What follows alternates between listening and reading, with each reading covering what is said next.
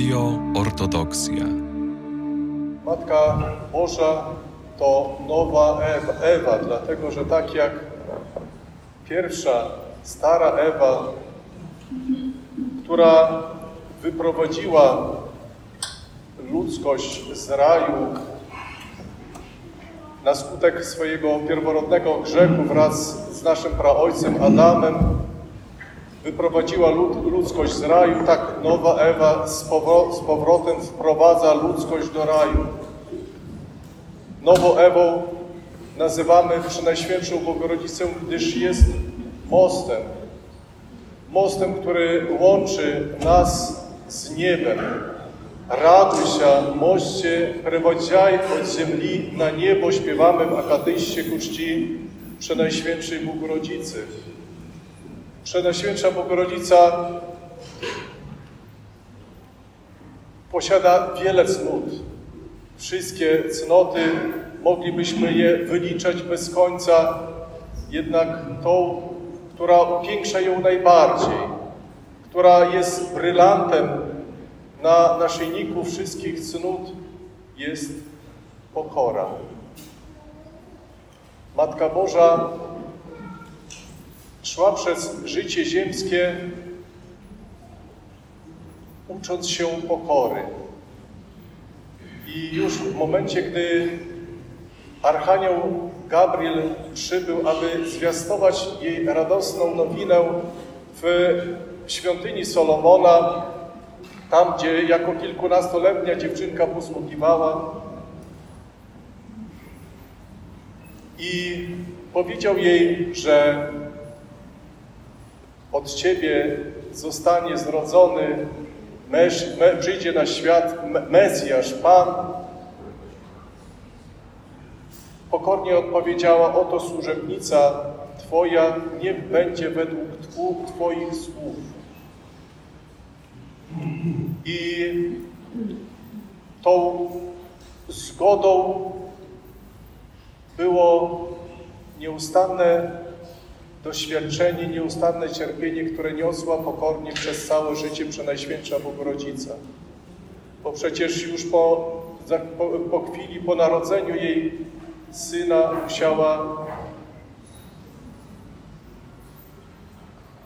oddalić się do Egiptu, była uchodźco, uchodźcem wraz z Józefem przez długie lata, a po powrocie do Nazaret również doświadczała wielu momentów, gdy musiała uczyć się pokory.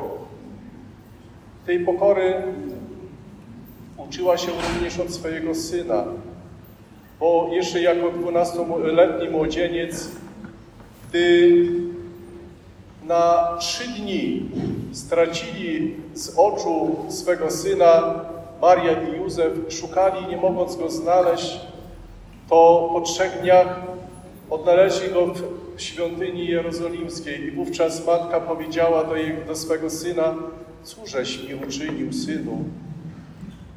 Natomiast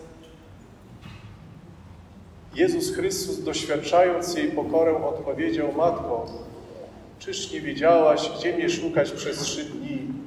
Przez te trzy dni byłem w domu Ojca mego. Matka Boża uczyła się nieustannie pokory. I gdy Jezus Chrystus udał się na kazanie, gdy zaczął głosić kazanie, wówczas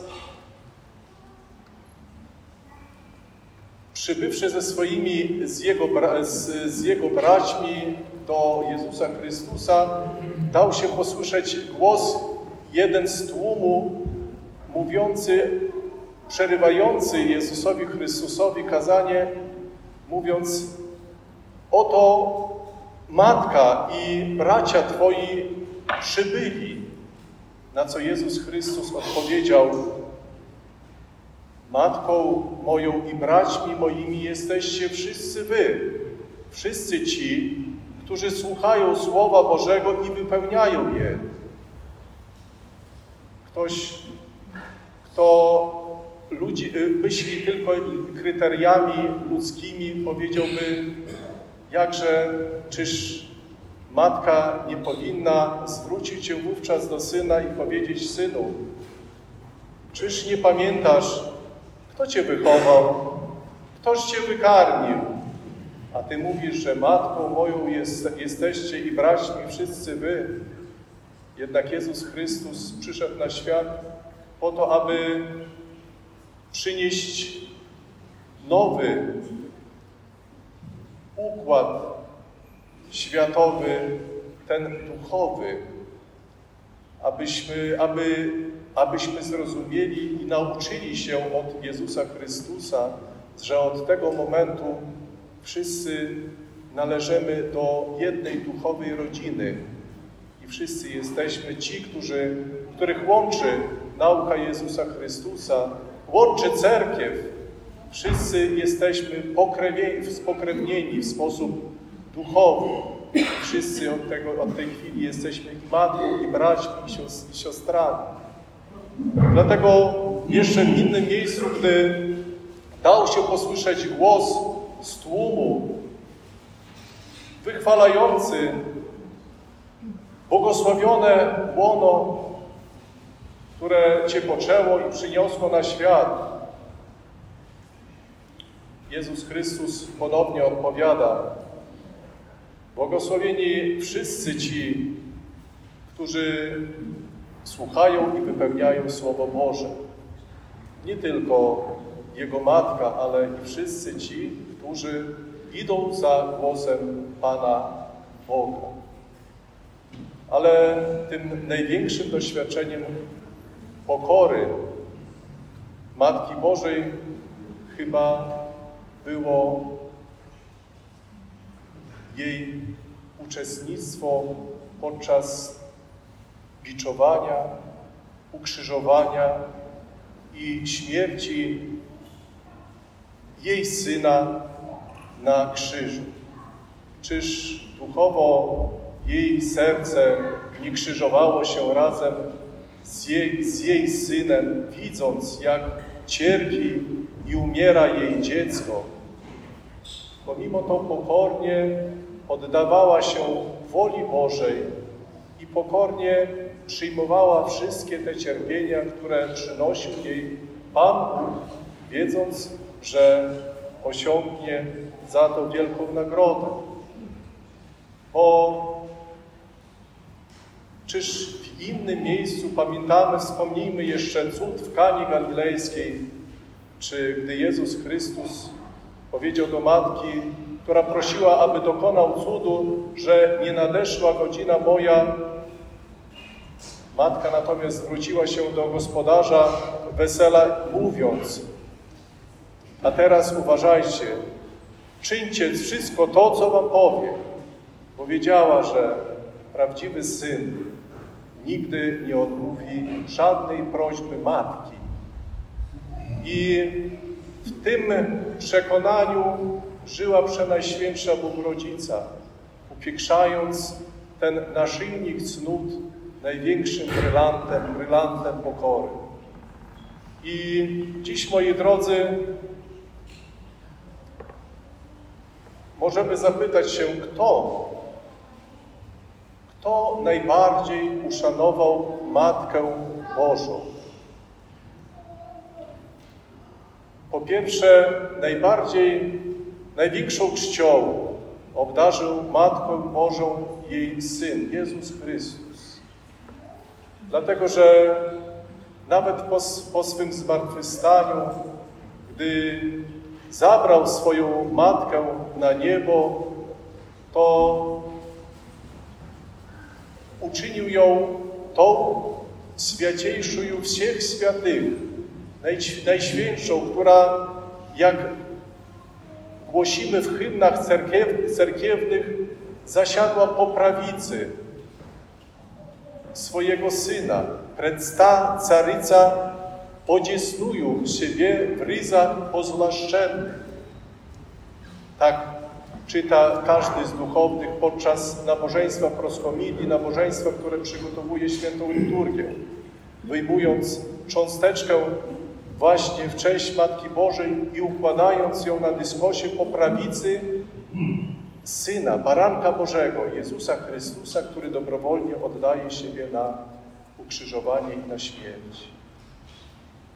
Ale kto jeszcze tak bardzo uszanował Matkę Bożą, dwunastu apostołów, którzy, jak mówi tradycja, od koniec ziemni, jak śpiewamy w cerkwi, sowokutrze się przybyli po to, aby pogrebści ciało Bożej Matry, aby oddać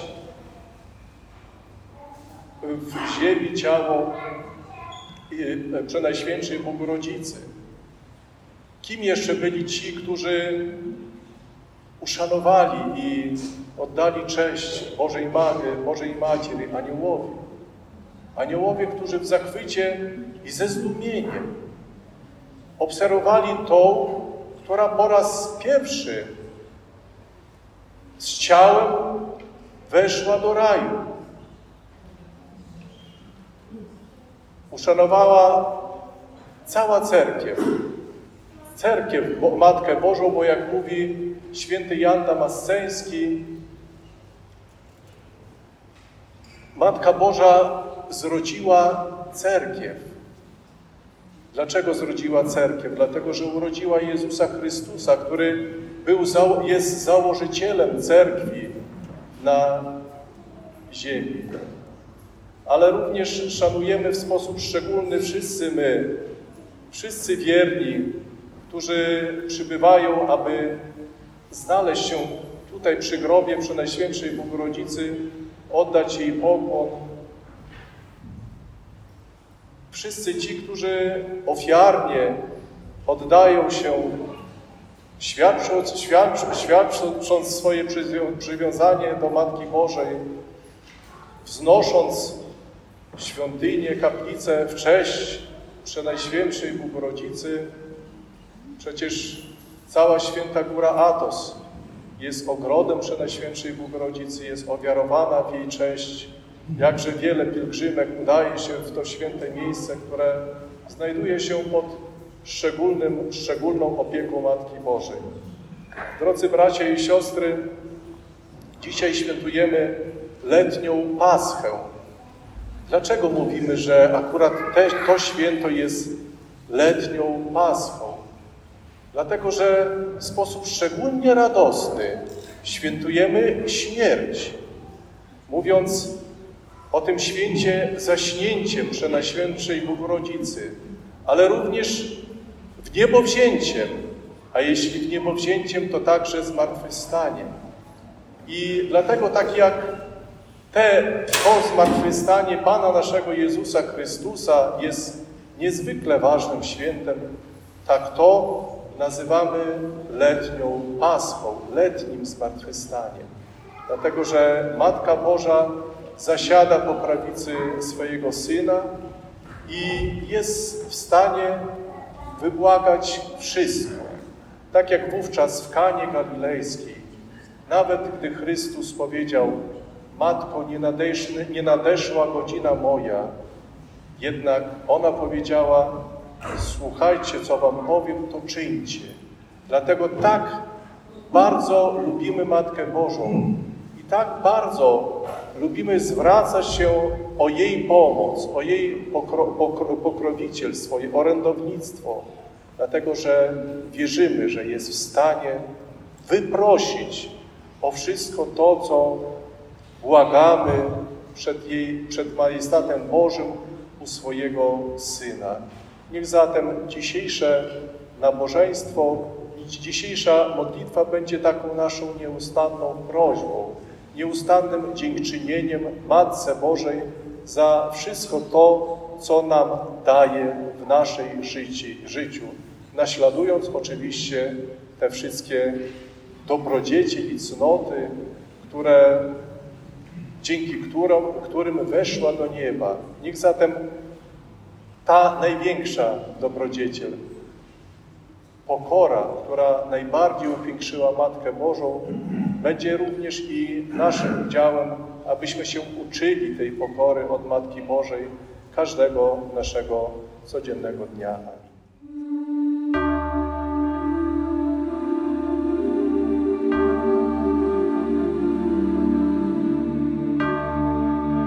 Radio Ortodoksja.